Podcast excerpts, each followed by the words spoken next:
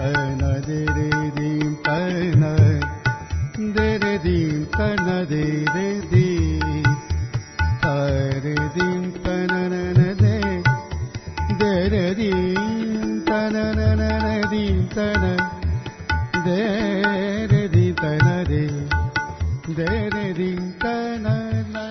नमस्कार। उज्यालो ninety network मार्फत देशभरिका विभिन्न एफएम स्टेशनहरूबाट एकैसाथ प्रसारण भइरहेको कार्यक्रम श्रुति सम्वेगमा प्राविधिक साथी दिनेश निरौलासँगै म अच्युत किमिरे बुलबुलको स्वागत छ।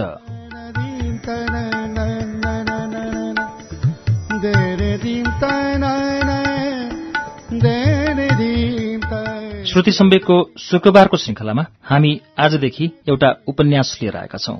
हामीले आजदेखि सुनाउने उपन्यास सुबिन भट्टराईको समर लभ छ। युवा पुस्तालाई प्रभाव पार्न सफल उपन्यास समर लभ बारे झरना बज्राचार्य पूर्व मिस नेपाल भन्नुहुन्छ। पहिलोचोटि नेपाली पुस्तकमा काठमाडौँको परिवेशको झल्को दिने कथा पढ्न पाएँ। सिनेमै हेरे जस्तो भयो। पुस्तक पढ्दा लाग्यो म काठमाडौँमै छु र यहाँका पात्रले जे गरिरहेका छन् म त्यही गरिरहेको छु। त्यसै गरी यही पुस्तकबारे मिलन संग्रौला शौर्य दैनिकका मिलन संग्रौला लेख्नुहुन्छ। यो उपन्यास सरल किसिमले बगेको छ र यसका पात्रमा पाठकलाई चुर्लुममा डुबाउन सक्ने खुबी छ। यसबारे अरू कस कसले के के भन्नुभएका छन्? आउँदा श्रृङ्खलामा हामी भन्दै जान्छौं। फाइन प्रिन्टले बजारमा ल्याएको समरलभको पहिलो श्रृङ्खला अब वाचन शुरू हुन्छ।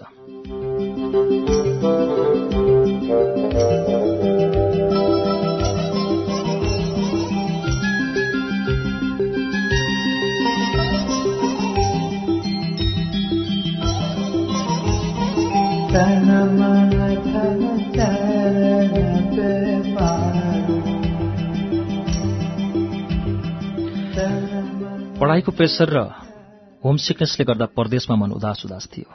साथीहरू सबै व्यस्त थिए। साथ दिने कोही फेला परेन। रिफ्रेसमेन्टका लागि एक्लै निस्के। ओस्लो र जर्मनीको किल बीचको दुई दिने क्रुज यात्रामा। पहिलो क्रुज यात्रा मनमा कुतूहल थियो। मेन गेटबाट जहाज चढेर म डेक चारमा गएँ। एकापट्टि म्युजिकल लाउन्ज थियो। अर्कापट्टि रेस्टुरेन्ट र सपिङ सेन्टर। एउटा कुनापट्टि ग्रान्ड बफे अनि अर्कातिर स्पा। पछाडि बच्चाहरूका लागि भिडियो गेम खेल्ने ठाउँ। गोरा केटाकेटी अभिभावकका साथ ओहोरदोहोर गरिरहेका देखिन्थे। डेक पाँच छ सातमा सुत्ने क्याबिन थिए। लिफ्ट चढेर डेक छमा रहेको कोठामा गएर सामान थन्काएँ र डेक चारमा फर्के। त्यहाँ मेन गेटमा मानिस हात हातमा सपिङ ब्याग लिएर ओहोरदोहोर गरिरहेका थिए। एक फन्को मारिसकेपछि कफीको तलतल लाग्यो म धेरै नै कफी प्रेमी र इन्सुमियानिक भइरहेको थिएँ।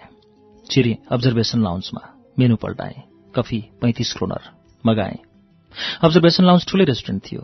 समुद्र प्रष्टै देखिने निकै रमाइलो। समुद्र हेर्न पनि घाम लागुन्जेल मात्र रमाइलो। रातमा त समुद्र पनि सुते जस्तै लाग्ने।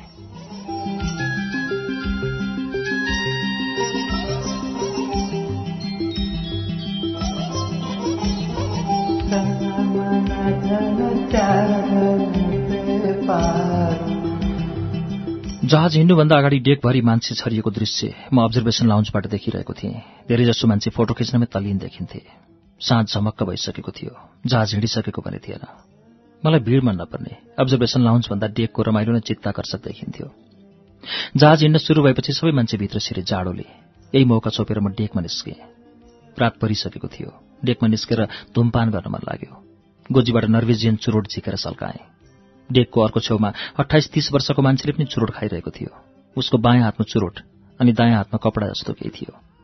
स्मोक गर्दै त्यही मान्छेलाई हेरिरहे। निकै बेर। मान्छे गोरै थियो अग्लो पनि साउथ एसियन वर्णको अँध्यारो समुद्र हेरिरहेको थियो ऊ। म उसको नजिकै गएँ मलाई देखेन उसले। उसकै अगाडि गएँ मुसुक्क हाँसेँ। उसले हाँसोको रिप्लाई समेत दिएन। अनौठो लाग्यो। जुनसुकै देशको भए पनि कम्तीमा हाँसोको रिप्लाई त दिन्छन् है। एकपल्ट हाँसी मात्र दिएको भए बरु म उसलाई त्यति विधि वास्ता गर्दिन होला। मलाई अब उसैको पछि लाग्न मन लाग्यो। उसँगै कुम जोड्ने गरी साइडमा उभिएँ। म निकै सतर्क थिएँ। आँखा तरेर हेऱ्यो मलाई अनि चुरोट तान्दै अगाडिपट्टि हेरिरह्यो।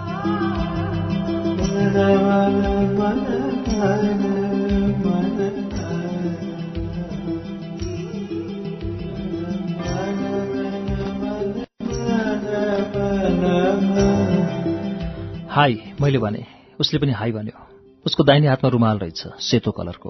रुमालको बीचमा रातो दाग देखियो। मैले एकहोर हेरेको चाल पाएर होला पट्याएर गोजीभित्र उल्यो आफ्नो नाउँ थर ठेगाना खुलाएर अङ्ग्रेजीमा बोले ऊ नेपाली नै रहेछ। म नेपाली भन्ने थाहा पाएपछि खुल्न थाल्यो। उसको नाउँ अतीत शर्मा घर Biratnagar Morang. University of life science ओस्लोमा master in international environmental studies पढ्दै रहेछ। उसको परिचय पाइसकेपछि मैले पनि आफ्नो पूर्ण परिचय दिएँ। भने म university of भर्जिनमा master of philosophy in English उता नेपालमा सानोतिनो लेखक पनि थिएँ। आफूलाई लेखक नबनेको भए पनि हुन्थ्यो होला भन्ने लाग्यो। अङ्ग्रेजीमै लेख्नुहुन्छ कि नेपालीमा?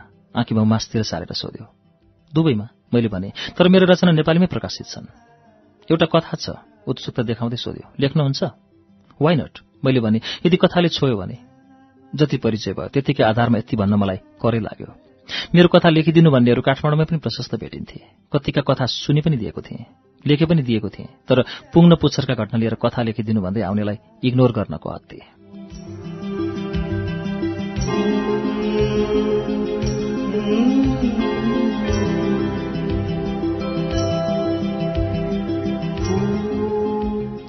हेर्न बाँकी थियो अतिथ शर्माको कथा कुन क्याटेगोरीको हो? अनि छोएन भने यसो भन्दा ऊ हल्का मुस्कुराइरहेको थियो।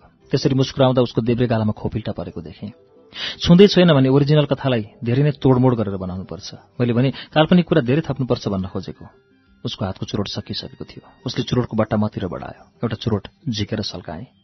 अनि कथा छ भन्दै हुनुहुन्थ्यो। कसको कथा? कसको कथा? कस्तो? कथा त सुनाउला। धुवा उडाएपछि उसले भन्यो। तर लेख्नु भएन भने म अवश्य लेख्छु। मैले भने ओरिजिनललाई कति तोड्नुपर्ने हुन्छ त्यो अहिले भन्न सक्दिनँ। प्रकाशित पनि गर्नुहुन्छ। प्रकाशित होस् भनेर नै लेख्छु नि सबै। कथा मेरो आफ्नै हो। उसले भन्यो मेरो प्रेम कथा। त्यसो भए त लेखिने चान्स झन् बढ्यो। किन? उसले सोध्यो मलाई प्रेम कथा असाध्यै मनपर्छ। हल्का हाँस्दै भने जहाज आफ्नै गतिमा कुदिरहेको थियो। समुद्रबाट बत्तिएर आउने चिसो हावाले शरीर काँप्न थालेको थियो। रात पनि छिप्पिँदै थियो।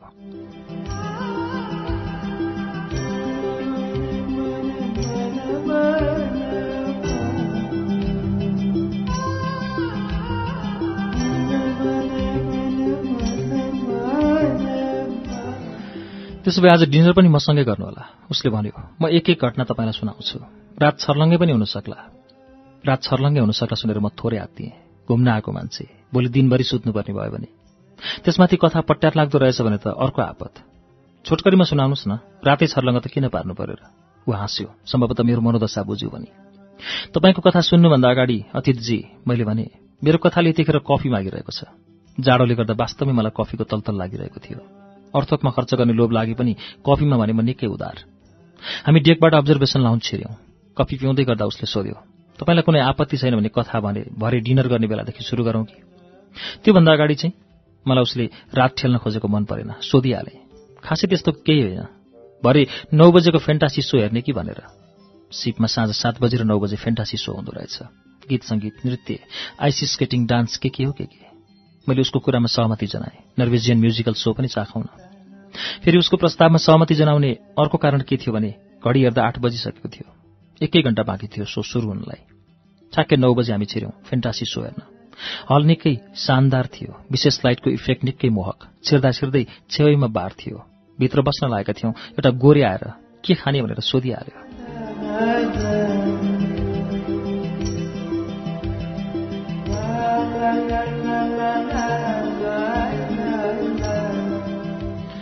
हामी नेपाली विद्यार्थीलाई त्यसरी फुर्माइस गर्न कहाँ पुग्थ्यो र? एक कप कफी खानलाई त मन कटक्क गर्छ। त्यसरी क्रुजमा ड्रिङ्क नै गर्दा के हविगत होला? म्युजिकल सोमा एक घण्टा बिताएपछि हामी निस्क्यौँ। भोक पनि त डरै लाग्न थालेको थियो। फेरि हामी उही अब्जर्भेसन लाउन्समा गयौँ। डिनरमा मैले एउटा मिक्स्ड पिज्जा मगाएँ। एक सय बिस क्रोनर अर्थात् चान्सुन दुई हजार नेपाली रुपियाँ पर्ने। उसले भोक ठ्याप्पै नभएको बताएर मसरुम सुप मात्र मगायो। डिनर गरिसकेपछि एक एक कप कफी नमगाइरहन सकेनौँ। पिज्जाले पेट टम्म भइसकेको थियो अनि कफीको प्रत्येक प्ले प्यालासँगै शरीरमा एक किसिमको न्यानो र उत्तेजनाको लहर पैदा हुन थाल्यो। लाउन्जमा मान्छे आउने जाने क्रम तीव्र थियो। ओहोरदोहोरको रमझम हेर्न लायक थियो। तर मेरो आकर्षणको केन्द्र उसको कथा थियो। उसले चुरोट मेरो हातमा थमाइदियो। आफूले पनि एउटा सल्काएर भन्यो लौ अब सुरु गरौँ न त मेरो प्रेम कथा।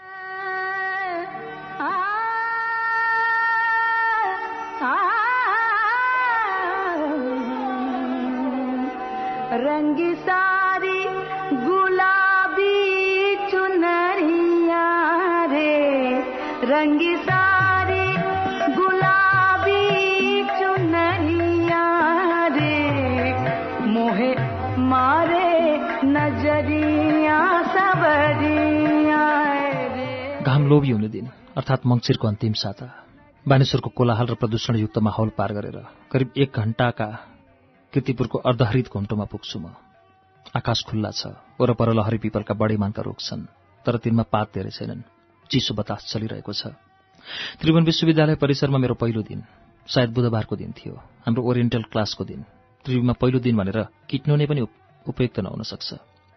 फाराम भर्न प्रवेश परीक्षा दिन आदि कामका लागि यसभन्दा अगाडि पनि जानु परेको थियो।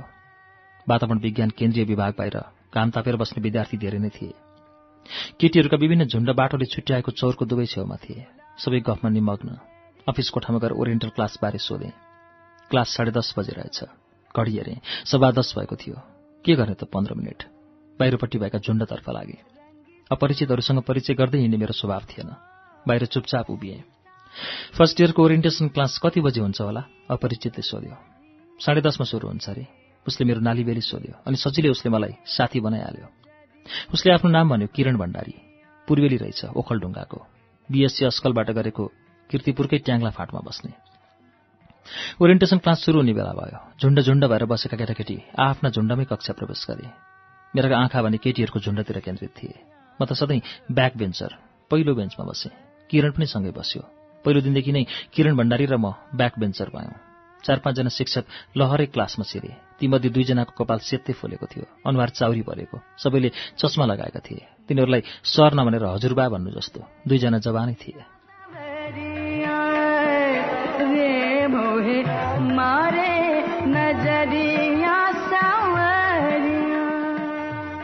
एकजना हजुरबा अघि सरेर बोल्न थाले। Good morning.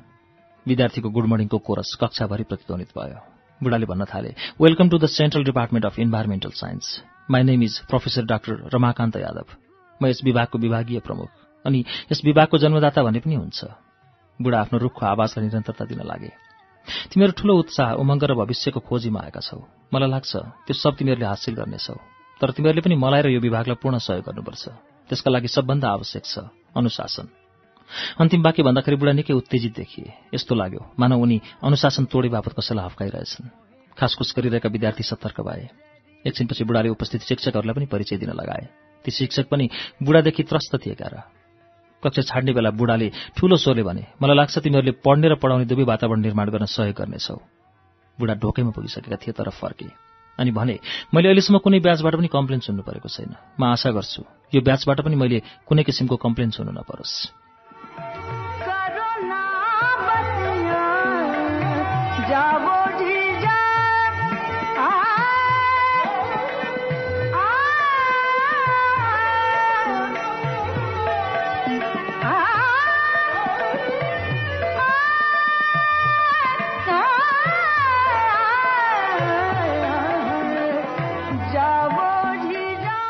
रमाकान्त यादवको बोली अत्यन्तै रुखो थियो। उनी ओरिएन्टेसन क्लासमा हामीलाई स्वागत गर्न आएका थिए कि तर्साउन पत्तो पाउने गाह्रो भयो। रमाकान्त यादवकै उमेरका एकजना प्रोफेसर बाहेक बुढासँगै आएका प्रोफेसरहरू बाहिरिए। नबाहिरिएको नाउँ थियो भगवान दास मास्के। रमाकान्त यादवका अनुसार भगवान दास मास्केले हामीलाई केही बेर उपयुक्त टिप्स दिनेछन्। भगवान दास मास्के हाँस्दा आफ्नो कालो अनुहारमा सम्पूर्ण दाँत देखाएर हाँस्थे। त्यति बेला उनको कालो अनुहारमा सेता दाँत टलक्कै टल्किन्थे। दाँत सम्बन्धी कुनै विज्ञापन खेल्न योग्य व्यक्ति चाहिँ लाग्यो मलाई उनी। मास्के भन्दै थिए मैले तिमीहरूलाई इकोलोजी पढाउने हो। म लगायत central department of environmental science अर्थात् सिडिइएसको उद्देश्य योग्य र दक्ष वातावरण तयार पार्ने हो। सर हामीले काम गर्न पाउने क्षेत्र चाहिँ कता हो? भगवान दास मास्केको हसमुख स्वभावको फाइदा उठाउँदै केही विद्यार्थी हल्ला गर्न थालिसकेका थिए। भगवान दास प्रश्नकर्ता विद्यार्थी नजिकै गए। आफ्नो साबिकको हँसाइलाई अझ बढावा दिँदै दाँतसँग गिजा पनि देखाउँदै भन्न लागे हाम्रो काम गर्ने कुनै क्षेत्र छैन। क्षेत्र आफै बनाउने हो ताकि हामीले काम होइन कामले हामीलाई खोजोस्। हाँसो र हल्ला मिसिएर कक्षाभरि फिजियो तर भगवान दासले त्यसको कुनै प्रतिकार गरेनन्। बरु आफ्नो उत्तरप्रति विद्यार्थीले सन्तोष मानेकाले नाकका पोरा फुलाएर उसै गरी उभिरहे। एक डेढ घण्टामै ओरिएन्टेसन क्लासको औपचारिकता सकियो। भगवान दास मास्केको प्रेजेन्टेसन धेरै नै रोचक भयो। कक्षा भने आइतबारदेखि सञ्चालन हुने भयो। त्यो औपचारिक दिनको अनुभव खासै केही पनि भएन। थप साथी पनि चिनिएन। त्यही किरण भण्डारीमै सीमित भयो। परिचयात्मक कार्यक्रम। छुट्टिने बेला ऊ मलाई ट्याङ्ला फाँटतिर जाउँ भन्दै थियो। म उसित पुरै सहज र आत्मीय भइसकेको थिइनँ। फेरि कुनै दिन भनेर टारे। ऊ एजुकेसन विभाग अगाडिको बाटोबाट हात मिलाएर छुट्टियो म तिन कुनैतिर लुरु लुरु एक्लै।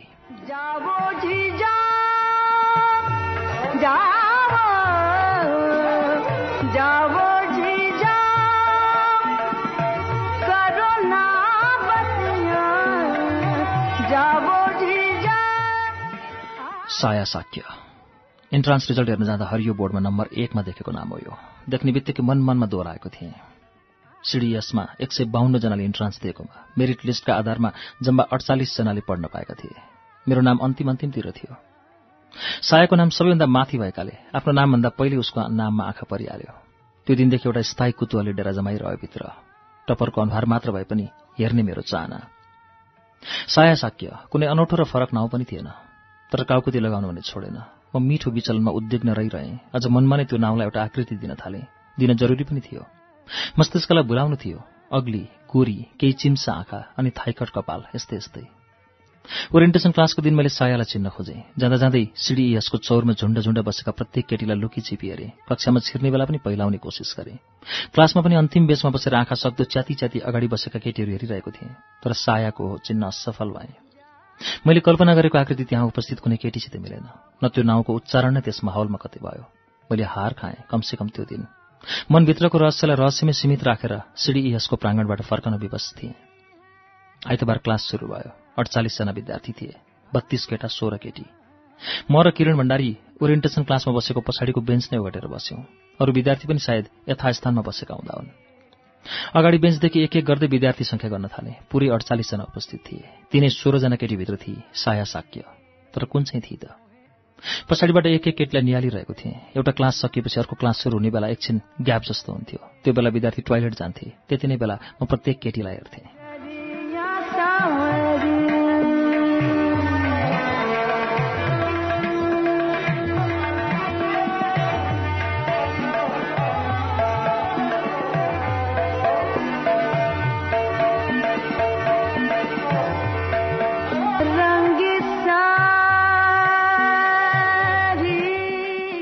साया को हो चिन्नु थियो।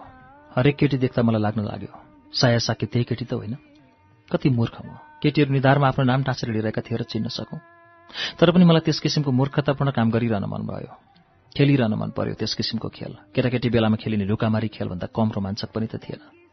साया यो हो कि त्यो हो कि भनेर कल्पिन भने छोडिन केटीहरूले जम्मा चारवटा बेन्च ओखटेका थिए। अगाडिपट्टिका केटीहरू अलिक भलाद्मी नै देखिन्थे। चार पाँचजनाले त मोटो फ्रेम भएको चस्मा पनि लगाएका थिए। हेर्दै पढन्थे। पछाडिका केटीहरू पनि अलिक जिस्किने चल्ने र उत्ताउलिने पनि गर्थे। एउटीले अर्कीलाई प्याट टाउकोमा हान्थे पिटाइ खाने पनि कहाँ चुप लाग्थे र फर्काइहाल्थे। बेला बेला खित्का छोडेर हाँस्थे ती। तीमध्ये दुई तीनजना उत्पात सुन्दर थिए। मैले मनमा नै कामना गरेँ तिनै मध्ये एक होस्। अगाडि बस्ने केटीहरू पुरै चुपचाप बस्थे। लेक्चर चलिरहेको बेला लाग्थ्यो। तिनीहरूको श्वास प्रश्वास अवरुद्ध छ।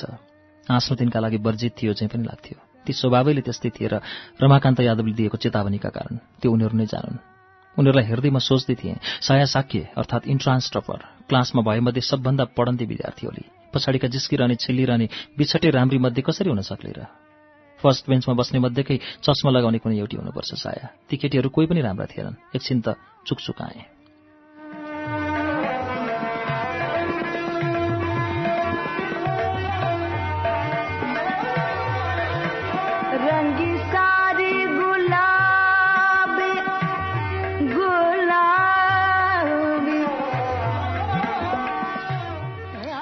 प्रतीक्षा गरिरहेको थिएँ। कसैले साया भने कसैलाई बोलाओस्।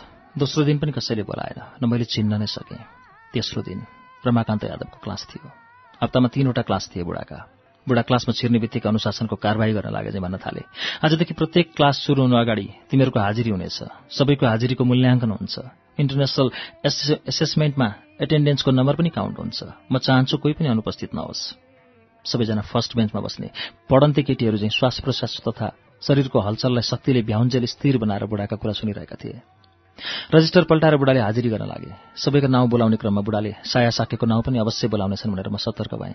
मुटुको गति अलिक तेज भयो। सस्पेन्स सिनेमा हेर्दा अन्तिमतिर रहस्य उद्घाटन हुने बेलाका दर्शक चाहिँ कक्रियामा।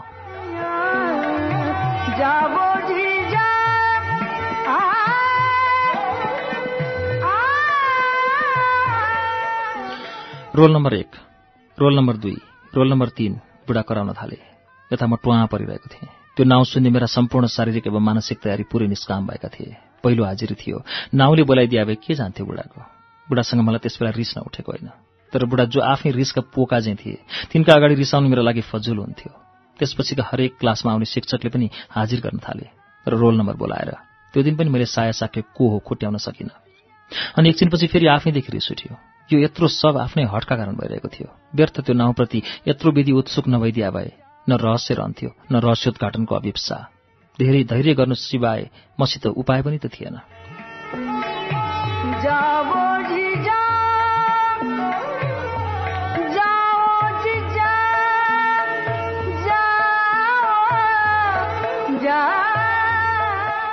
साया एउटा रहस्य बनेर रही मेरो लागि। मलाई लाग्न थाल्यो त्यो रहस्य सजिलै उद्घाटित हुनु हुँदैन। त्यो उद्घाटित हुन विशेष परिस्थिति विशेष माहौल चाहिन्छ।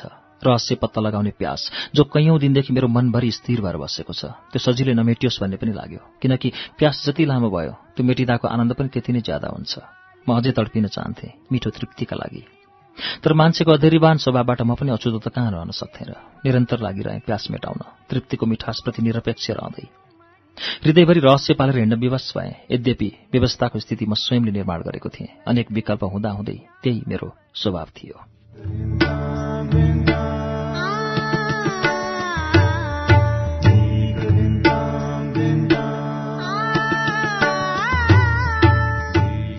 कार्यक्रम श्रुति सम्वेगमा अहिले तपाईँले सुनिरहेको वाचन सुबिन भट्टराईको उपन्यास समर लभको वाचन हो। यसको बाँकी अंश केही बेरमा वाचन हुनेछ। उज्यालो सुन्दै गर्नुहोला।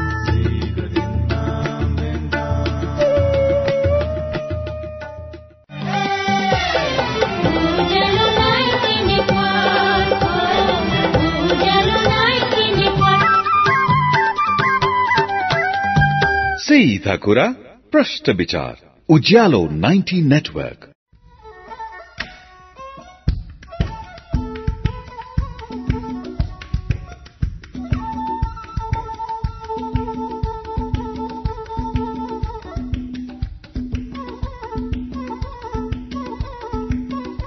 कार्यक्रम श्रुति सम्वेगमा पुनः स्वागत छ।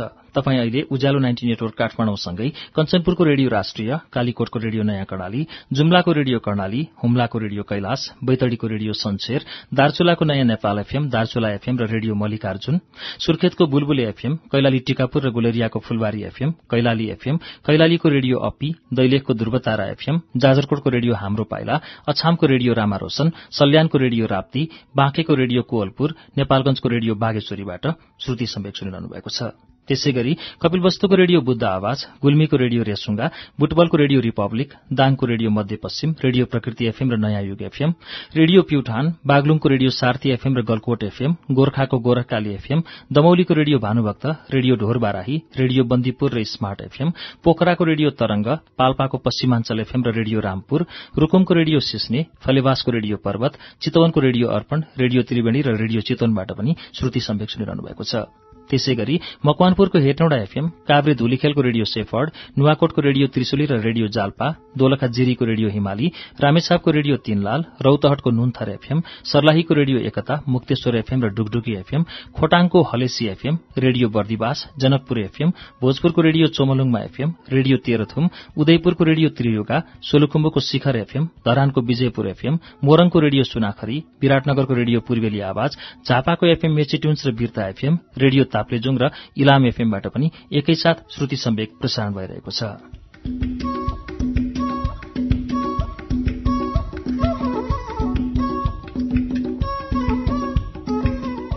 श्रुति सम्वेकमा हामी आज सुबिन भट्टराईको उपन्यास समरलभको वाचन सुनिरहेका छौं। यसको बाँकी अंश वाचन अब सुनौ।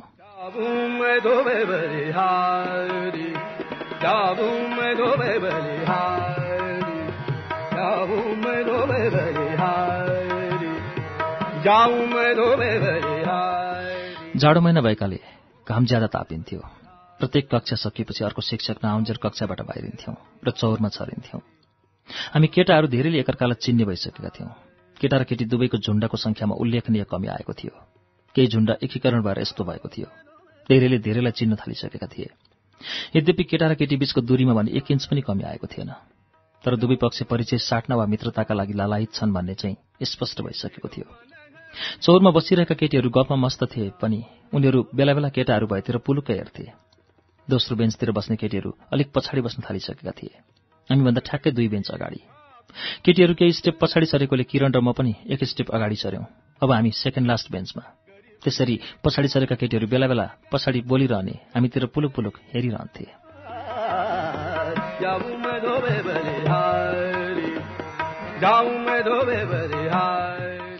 तीनजना केटी हाम्रो भन्दा ठ्याक्कै अघिल्लो बेन्चमा बस्न थालेका थिए। हामी अघिल्लो बेन्चमा सरेका कारण उनीहरूसँग सम्बन्ध बढाउने चाहना नै हो र सम्भवतः उनीहरू पनि। यस्तोमा किरण धेरै नै स्याल। केटी भनेपछि हुरुकै हुन्थ्यो। छोटो समयमै म किरणका स्वभावसित परिचित थिएँ। उसित बढ्दै गरेको मित्रताबाट उभित्रको पत्र पत्र उक्किँदै जान थाल्यो। तर म भने अन्तर्मुखी स्वभावका कारण ऊ जति उम्किन उक्लिन सकिनँ। किरण अलिक ठुलै आवाजमा बोल्थ्यो। केही हाँस्ने कुरा भयो भने पनि ऊ अलिक ठुलै आवाजमा हाँस्थ्यो। भलै त्यो कुरा त्यति ठुलो आवाज साथ हाँस्न लायकको हुँदैन थियो। सायद ऊ अगाडि बसेका केटीहरूको ध्यान आफूतिर तान्न त्यसो गर्थ्यो। केटीहरू पनि उसको त्यस किसिमको अस्वाभाविक चाहिँ लाग्ने हाँसो सुनेर पछिल्तिर फर्किहाल्थे।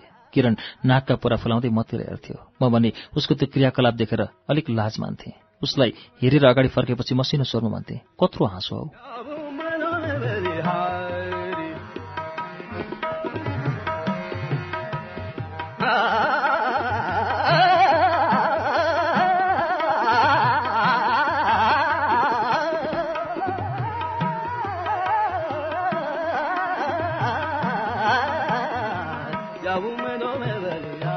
बलिहारी यसबाट बुझिन्थ्यो केटीहरू ध्यान दिइरहेछन्। उनीहरू मध्येकै कोही कोही त चाहिने भन्दा बढ्दै अगाडि पछाडि दायाँ बायाँ हेरिरहन्थे।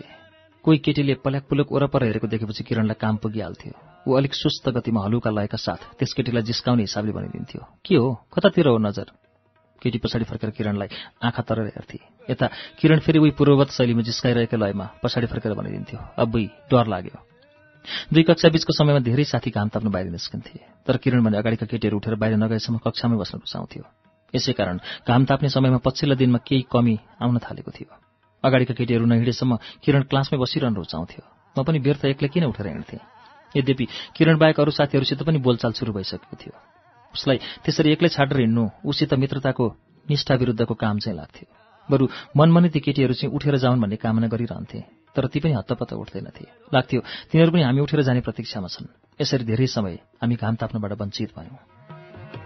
गरीब की इच्छा पूरा कर दो गरीब की इच्छा पूरा कर दो तुम तो गरीब नमो तर एक दिन त अति भयो भन्दै जुरुकै उठेर हिँडिदिए। किरण पनि पछि पछि आयो। केही बेरमा ती केटी पनि कमिलाका ताँती चाहिँ आइरहेको चौरनिरको इँठाको बारमा उभिरहँदा मैले देखेँ। रोक्न खोज्दा खोज्दै पनि हाँसो फुत्किहाल्यो जाँचै हापेर भागेको कि झैँ उसले सोध्यो क्या यार किन त्यसरी उठेर हिँडेको? हुँदैन खाँदो। मैले भने के फाइदा? जाडोमा घुँडा कक्रिन्जेल बसेर। क्या भाउ दिइरहेथे अहिलेसम्म एक शब्द बोल्न सके होइन? मैले पनि भन्थेँ सुरुमै एकैचोटि बोलेर के मजा आओस्? आँखी बन्न चाहँदै किरणले भन्यो। यस्तो सम्बन्ध त बिस्तारै बढाउनु पो मजा छ। उसले थप्यो। प्रेम र जुवा उस्तै हो। फलास खेल्दा एकैचोटि तिनवटै पत्ती देखाइदियो भने मजा हुन्छ? हुन्न नि। बिस्तारै एक एक पत्ती देखाउँदै धुकधुकी बढाउँदै खेल्न कति मजा हुन्छ? प्रेम पनि झ्यापझुप गरिहाल्यो भने सकिहाल्यो नि। के मजा आओस्? त्यसो भए यो जाडोभरि घाम तापौँ अनि बिस्तारै गरिममा गरौँला प्रेम। भइहाल्छ नि। उसले आफ्नो आवाज साबिकभन्दा ठुलो बनाएर भन्यो अर्कैले उसिटाइदियो भने नि?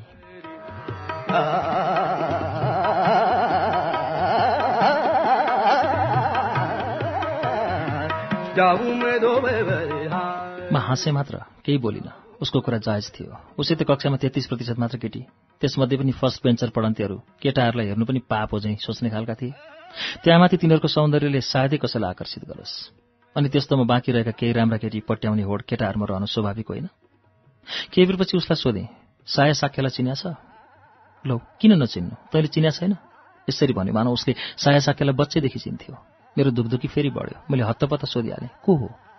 सोद्धा सायद म अलिक उत्तेजित भएको हुँदो मेरो दुखदुखी फेरि बढ्यो। म पनि कति होस् छु केटीहरूप्रति विशेष चासो राख्ने भएकाले उसलाई थाहा हुनु अस्वाभाविक पनि थिएन। तर यतिका दिनसम्म उसलाई केही कुरा भन्न नपाएकोमा त्यतिखेर मलाई अफसोस लागिरहेको थियो।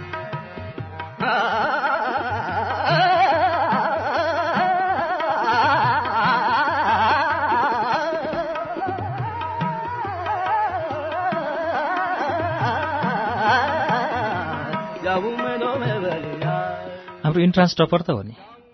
कुन केटी हो त भने? केटीहरू बसिरहेको चौरतर्फ हेर्दै उसलाई पनि हेर्ने सङ्केत गरेर सोधेँ। खै त्यो ठ्याक्कै त मलाई पनि थाहा भएन। उसले मलाई सम्भावनाको खुड्किलोबाट जति छिटो माथि चढाएको थियो त्यति चाँडो झारी पनि दियो। म निराश भएँ। उसले मेरो मुहार पढ्दै भन्यो नाम सुनेर केटी मन पराएछ कि क्या हो? होइन मैले भने। मन पराएको छस् भने भन् पत्ता लगाइदिन्छु। ठुलो कुरै भएन। मैले उसको कुराको जवाफ दिइनँ मेरो मौनता उसलाई त्यति मन परेन क्यारे। आफै बोल्यो क्लासमा म पत्तो लगाइदिन्छु अहिले। म हाँसेँ। नपत्याएको? के गरी पत्ता लगाउँछस्? प्रत्येक केटीलाई सोध्दै हिँडेर। अर्को पनि उपाय छ उसले भन्यो। तर उपाय भनेन। क्लासभित्र गएर बेन्चमा बसेर उसले भन्यो अब हेर्दै जा। के गर्छ? म बेग्र भएँ। अलिकति ठुलो स्वरमा करायो साया! हामीभन्दा अगाडि बसेका तिनै केटीले पछाडि फर्केर हेरे। तीमध्ये साया को हो भनेर सोध्ने मन थियो सकिन। फेरि मन अन्तर्द्वन्द्वमा फस्यो। सम्बन्धित मान्छे एकजना भए पनि ती केटीहरूको स्वभाव बिना कारण पछाडि हेरिरहने भएकाले तीनजना मध्ये साया साकी को हो कसरी चिन्ने?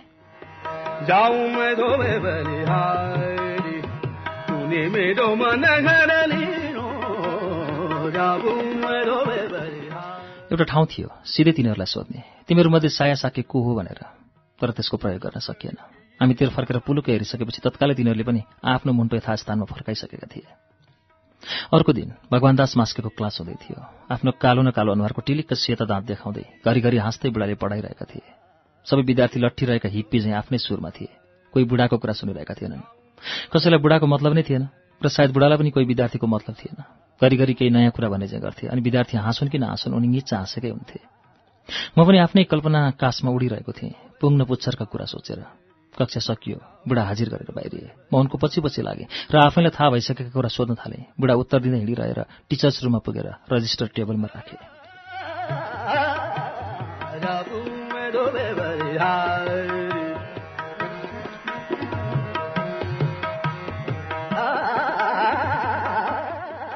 बुढालाई थ्याङ्क यू सर भनेर बुढा कता जान्छन् भने हेरिरहे। बुढा टोयलेटतिर लस्के टिचर्स रुम खाली थियो।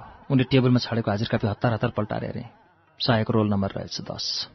गदगद भएँ। क्लासरुमतिर गएर अर्को हाजिरको प्रतीक्षा गर्न लागेँ। अर्को क्लास एकजना म्याडमको थियो। विद्यार्थीहरू हल्ला गर्दै थिए। उसै त म्याडमको सानो आवाज। हाजिर नसुनिने नै गरी भयो। म आफू बसेको बेन्चबाट उठेर म्याडम उभिएको टेबलतर्फ गएँ। म्याडमले रोल नम्बर टेन भनिन् तर कसैले प्रेजेन्ट भनेको आवाज सुनिएन म्याडमले दोहोऱ्याइन् तर कोही बोलेन अनि अरू नम्बर बोलाउन लागिन्। मेरो सम्पूर्ण आशा निराशामा बदलियो। हल्ला धेरै भएकाले सायद सायाले सुनिने जस्तो लाग्यो। कुनै अर्को क्लासमा त साया को हो भनेर पत्तो लाग्ला नि भनेर धैर्यलाई कायम नै राखेँ। म्याडमको क्लास सकियो। हाफ टाइम भयो।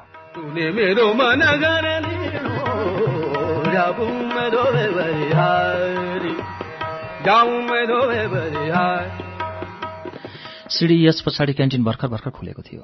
किरण र म त्यहाँ गएर चिया पिउँदै चुरोट उडाउन थाल्यौँ। एकैछिनमा हामीभन्दा अगाडिको बेन्चमा बस्ने केटीहरू पनि खाजा खान आए। आलु पराठा मगाएर उनीहरू बस्ने ठाउँ के हेर्दै थिए? किरणले हामी अगाडिको खाली कुर्सी देखाउँदै भन्यो यता छ नि बस्ने ठाउँ। म भने लाजले भुत्तुकै भएँ। केटीहरू मुस्कुराउँदै हामीतिर आए। म अभाग भएँ। तीनजना केटी निकै राम्रा एउटी अलिक मोटी थिए। तैपनि सुन्दरतामा अरू दुईटीभन्दा कति पनि कम थिएन। तिनैजना ब्लू जिन्समा थिए। मोटी केटीले कालो पछ्यौरी ओढेकी थिए। अरू दुईटीले भने स्वेटर लगाएका थिए। तिनीहरू बस्दै गर्दा पुनः अर्कोपल्ट हाँसे। हामी पनि हाँसिदियौँ। मोटीले सोधी तिमीहरूको ब्याचलर्स कुन कलेजबाट?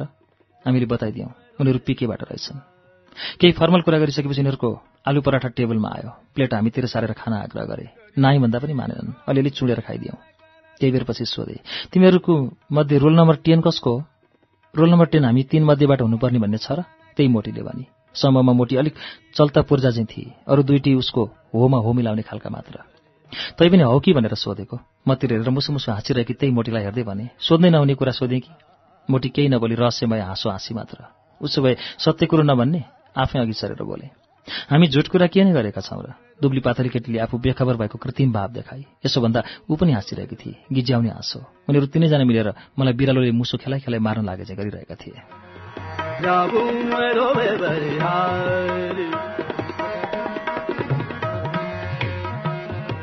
जाऊं मैं धोबे बलिहारी गरीब की इच्छा म त के बोल्नु के बोल्नु चाहिँ भएँ तर पक्का भएँ सायद तिनीहरू मध्येकै कोही हो। त्यसपछि त मलाई ठिकठाक उनीहरूसित आँखा जुदाउन पनि गाह्रो भयो। किरण छेउमा नभएको भए म कति नर्भस हुने थिएँ अनुमान पनि गर्न सकिनँ। साँच्ची नभन्ने मैले आफूलाई थाम्नै सकिरहेको थिएन फेरि सोधेँ। रोल नम्बर पत्ता लगाउनेलाई मान्छे पत्ता लगाउन के गाह्रो र? मोटीले भने ठिकै छ मैले लामो सुस्केर ताने। पालै पालो तिनैजनाको अनुहार हेरेँ। उनीहरू मुसु मुसु हाँसिरहे मात्र। किरणले पनि उनीहरूलाई मेरो जिज्ञासा मेटाइदिन आग्रह गर्यो। तर उनीहरू हामीसित इत्तरी मात्र रहे। एउटी अर्कै रिक्वेस्ट गरौँ? मोटीका आँखा आँखा जुदाएर सोधे। हुन्छ। तिम्रो नम्बर कति हो? मेरो नाम थाहा छ? उल्टै प्रति प्रश्न गरी उसले। छैन। नाउँ नै थाहा नभएको मान्छेलाई नम्बर किन चाहियो? त्यसो भए पहिला नाउँ नै सोध्छु। मुसु मुसु हाँस्दै सोधे। के नाउँ हो तिम्रो? साया साक्य।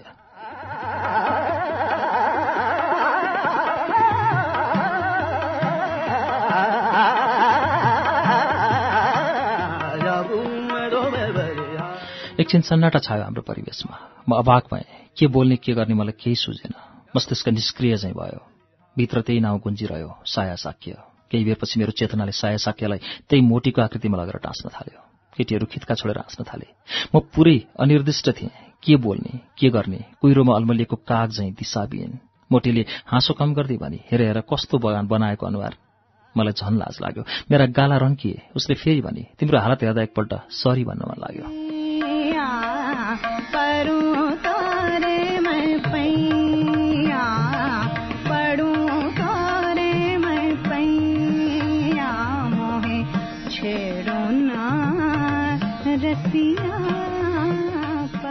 किन?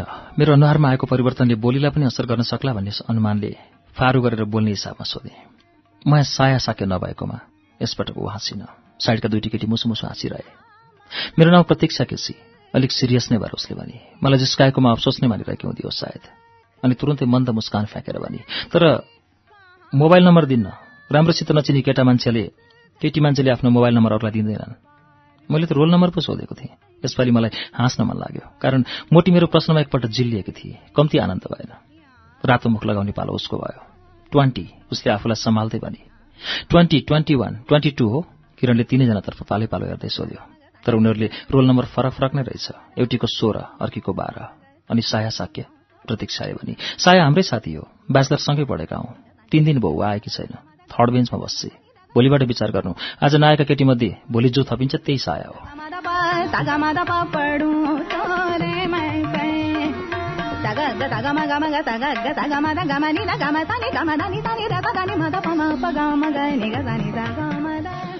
तत्कालै कक्षामा भएका सबै केटीको अनुहार सम्झे। त्यस दिन उपस्थित भएका केटीहरू त झन् त्यहाँ उपलब्धै थिए। को अनुपस्थित छ? त्यो अनुहार कसै गरी पनि सम्झिन सक्दिनँ।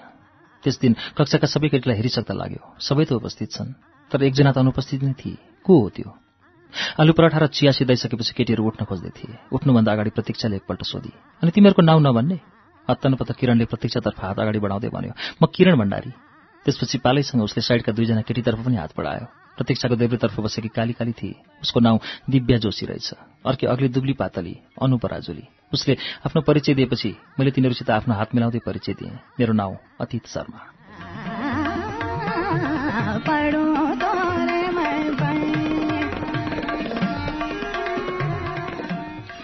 भोलिपल्ट साया साकेको पत्तो लाग्यो। तर त्यसरी पत्ता लाग्ला भन्ने मैले एक छेउ पनि सोचेको थिइनँ। हो यतिका दिनसम्म सञ्चय गरेर राखेको कौतूहल एउटा माहौलमा वात्तै मेटियो। त्यो किरणले भने चाहिँ तासको फलास शैलीमा खुल्न पाएन। तैपनि त्यस क्षणमा खुसी नै भएँ। कौतूहल पनि एउटा निश्चित समयावधिसम्म राम्रो हुँदो रहेछ। एउटा सानो अवधिसम्म त्यसले रमाइलो दिँदो रहेछ। होइन भने पछि त त्यो थुक्ने बेलाको चुइङ्गा हुन के बेर। म सधैँ चाहिँ कलेज जानका लागि नयाँ बानेश्वर चोक पुगेँ। नेपाल यातायात चढेँ। त्यहाँबाट हत्तपत्त सिट पाइँदैन थियो। संयोगले त्यो दिन एउटा सिट पाएर भर्खरै बस्न कि भएको थिएँ। हस्याङ फस्याङ गर्दै एउटी केटी चढी। अनुहार प्रष्ट देख्न साथ ठम्याउन सकेँ। त्यो सिडी यसमा मैले देखिरहेको अनुहार थियो। जो अघिल्लो दिन अनुपस्थित थियो। साया साकी यही हो। एक सेकेन्ड पनि ढिलो नगरी मनले निर्क्यौल निकाल्यो।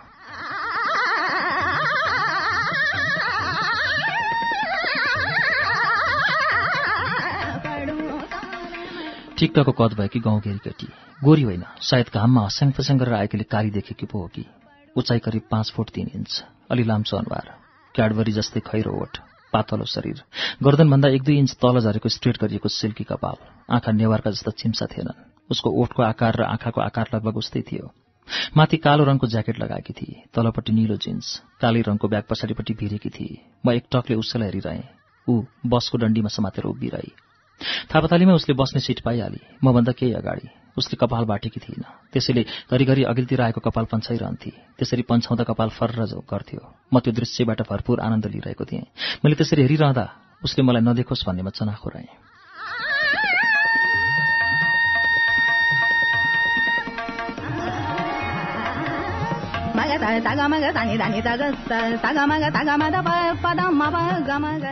बल्कुमा दुवै ओर्ल्यौँ ऊ अघि अघि म पछि पछि करिब पन्ध्र मिटरको दूरीमा थियौँ हामी बाटो हिँड्दा पनि आफ्नो कपाल उसै गरी हातले पछिल्तिर लगिरही बल्कुबाट सिडी यससम्म पुग्दा एकपटक पनि उसले पछिल्तिर फर्केर हेरिन यसरी म त्यो दिनमा पुगेँ जो धेरै दिनदेखि प्रतीक्षा गरिएको थियो मैले सिडी यसमा धेरैपल्ट कि केटी मलाई यस कुरामा पनि धन्य लागिरहेको थियो कि ऊ ती फर्स्ट बेन्चर पढन्ती चस्मी केटीहरूमध्ये थिइन मैले कल्पना गरे भन्दा राम्रै थिए। ऊ पिठो जस्तै गोरी थिइन मोडेल जत्तिकै अग्ली पनि थिइन तर पनि मलाई ऊ निकै राम्री लागि हुन त सुन्दरता आँखै पछि फरक हुन्छ। ऊ मेरो आँखामा संसारमा देखे मध्येकी सुन्दर भन्न खोजेको होइन। त्यसो त रूपको कुरा गर्ने हो भने सायाभन्दा प्रत्यक्ष नै राम्रो थिए। रूपलाई नै केन्द्र बनाएर सबै कुराको लेखाजोखा गरिन्न। मान्छेमा धेरै गुण हुनुपर्छ। ऊ पूर्ण मान्छे हुनलाई। र मेरो आफ्नो परिभाषामा रूप सुन्दरताको एउटा अंश मात्र हो। रूप केही होइन। मन र व्यवहार मात्र सबै थोक हो भने पनि म भन्दिनँ। कसो यसो भन्नु कसैको अल्प सुन्दरताप्रति सहानुभूति ठहर्छ त्यस दिन पनि क्यान्टिनमा किरण र म अघिल्लै दिन बसेको टेबलमै थियौँ। खाजा खाने बेला प्रतीक्षाहरू हाम्रै छेउमा आए। सायाका साथ उनीहरू परबाट हाँस्दै आएर हाम्रै छेउमा बसे।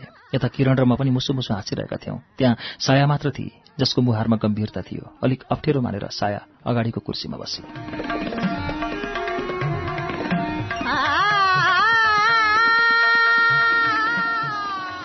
बस्ने बित्तिकै प्रतीक्षाले विशेष मलाई नै फोकस गर्दै हेरेर सायालाई चिनाउँदै भने रोल नम्बर टेन सायाले आश्चर्यचकित मुद्रामा एकपल्ट प्रतीक्षालाई हेरी। मेरो बारे प्रतीक्षाले सायालाई केही भन्न भ्याएकी रहेनछ थाहा भयो। मलाई त्यसै लाज लागेर आयो।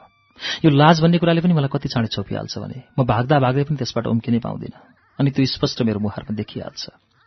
छट्टु किरण अघि सरेर सायासँग हात मिलाउँदै आफ्नो परिचय दियो। हाई म किरण भण्डारी।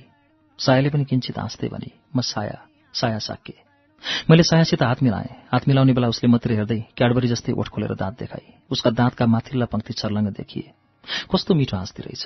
हाँस्दा उसको दुवै आँखाको साइडमा हलुका मुजा पनि पर्दो रहेछ। साह्रै सुहाउने। म झन् हुरुक्कै भएँ।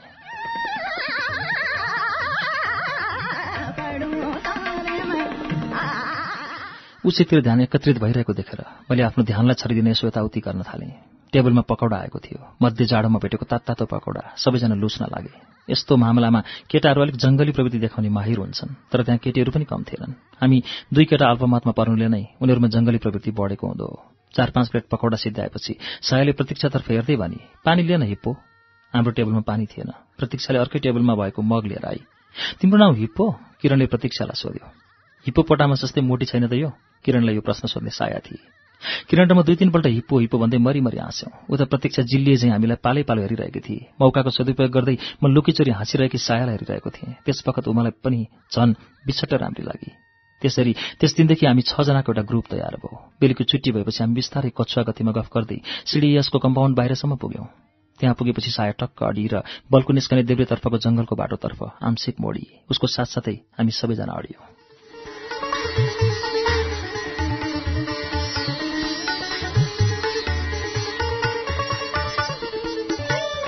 श्रुति सम्वेकमा यतिन्जेल तपाईँ। सुबिन भट्टराईको उपन्यास समरलभको पहिलो श्रृङ्खलाको वाचन सुन्दै हुनुहुन्थ्यो। यो वाचनसँगै आजलाई श्रुति सम्वेकको समय सकिँदैछ। कार्यक्रमबारे तपाईँका सल्लाह सुझाव वा प्रतिक्रियाका लागि हाम्रो ठेगाना कार्यक्रम Shruti Sambeg Ujyaalo ninety network post box number छ चार छ नौ काठमाडौँ। इमेलका लागि S H R U T I Shruti at UNN dot com dot NP